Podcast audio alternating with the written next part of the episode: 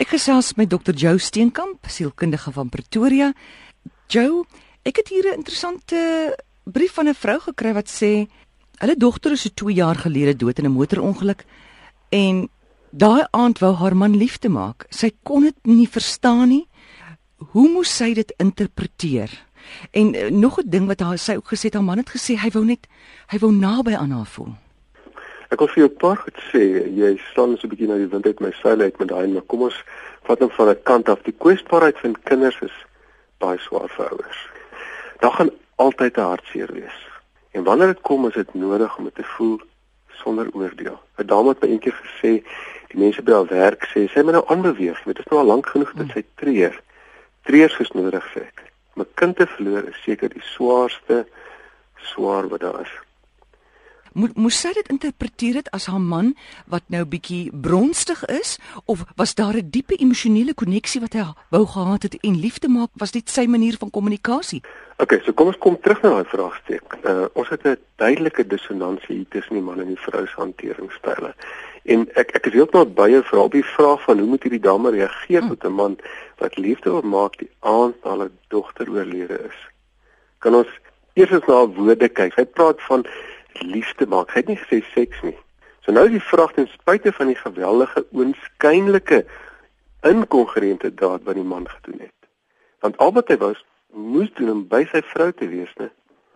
Bly die vraag, wat is hulle verhoudingsdefinisie? Want die vrou beskryf die aksie steeds as 'n liefdesdaad. Dis hoe sy dit beskryf. Ons moet ook verstaan dat oordeel is ons projeksie vanuit ons emosionele vertolking van die situasie. So oordeel is 'n refleksie van watter konflik ons binne ons ronddra. Die middel van ons oordeel vertel ons die wêreld en ons het al eendag voorheen dit genoem die storie wat in onsself is nê, wat ons tog nie klaar in die oë gekyk het en volledig in onsself mee vrede gemaak het nie. So in daai sin volg projeksie altyd sy eienaar en deur middel van daai projeksie vertel ons ander van onsself. Nietemin wil ek graag die volgende vir jou stel. As ons kyk na hierdie man, dan moet ons 'n vraag vra na aanleiding van die inkongruente aksie wat soos dit vir ons lyk.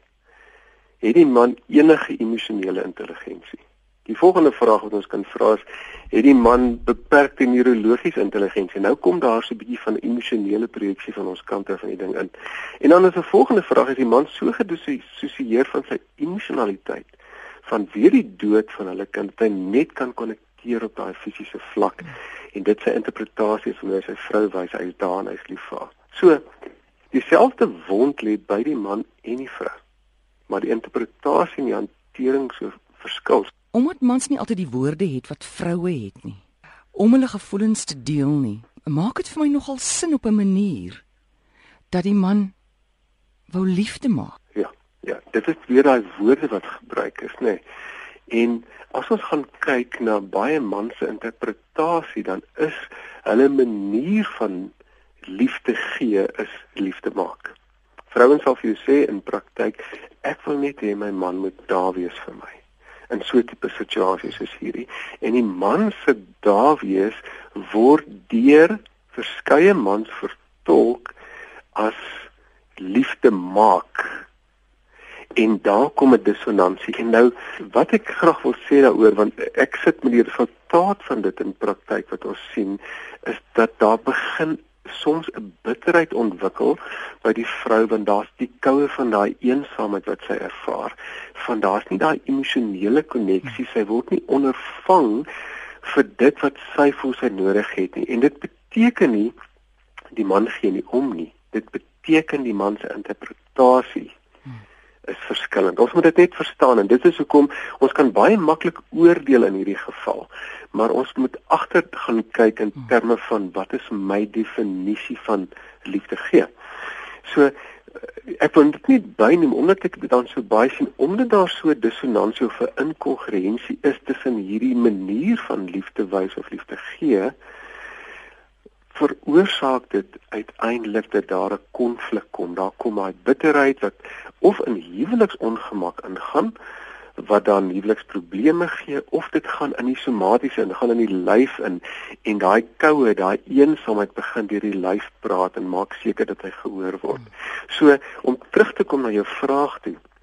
Ons moet versigtig wees vir die onmiddellike oordeel wat ons vanuit 'n emosionele manier kan reageer tot die oorspronklike vraag wat jy gestel het.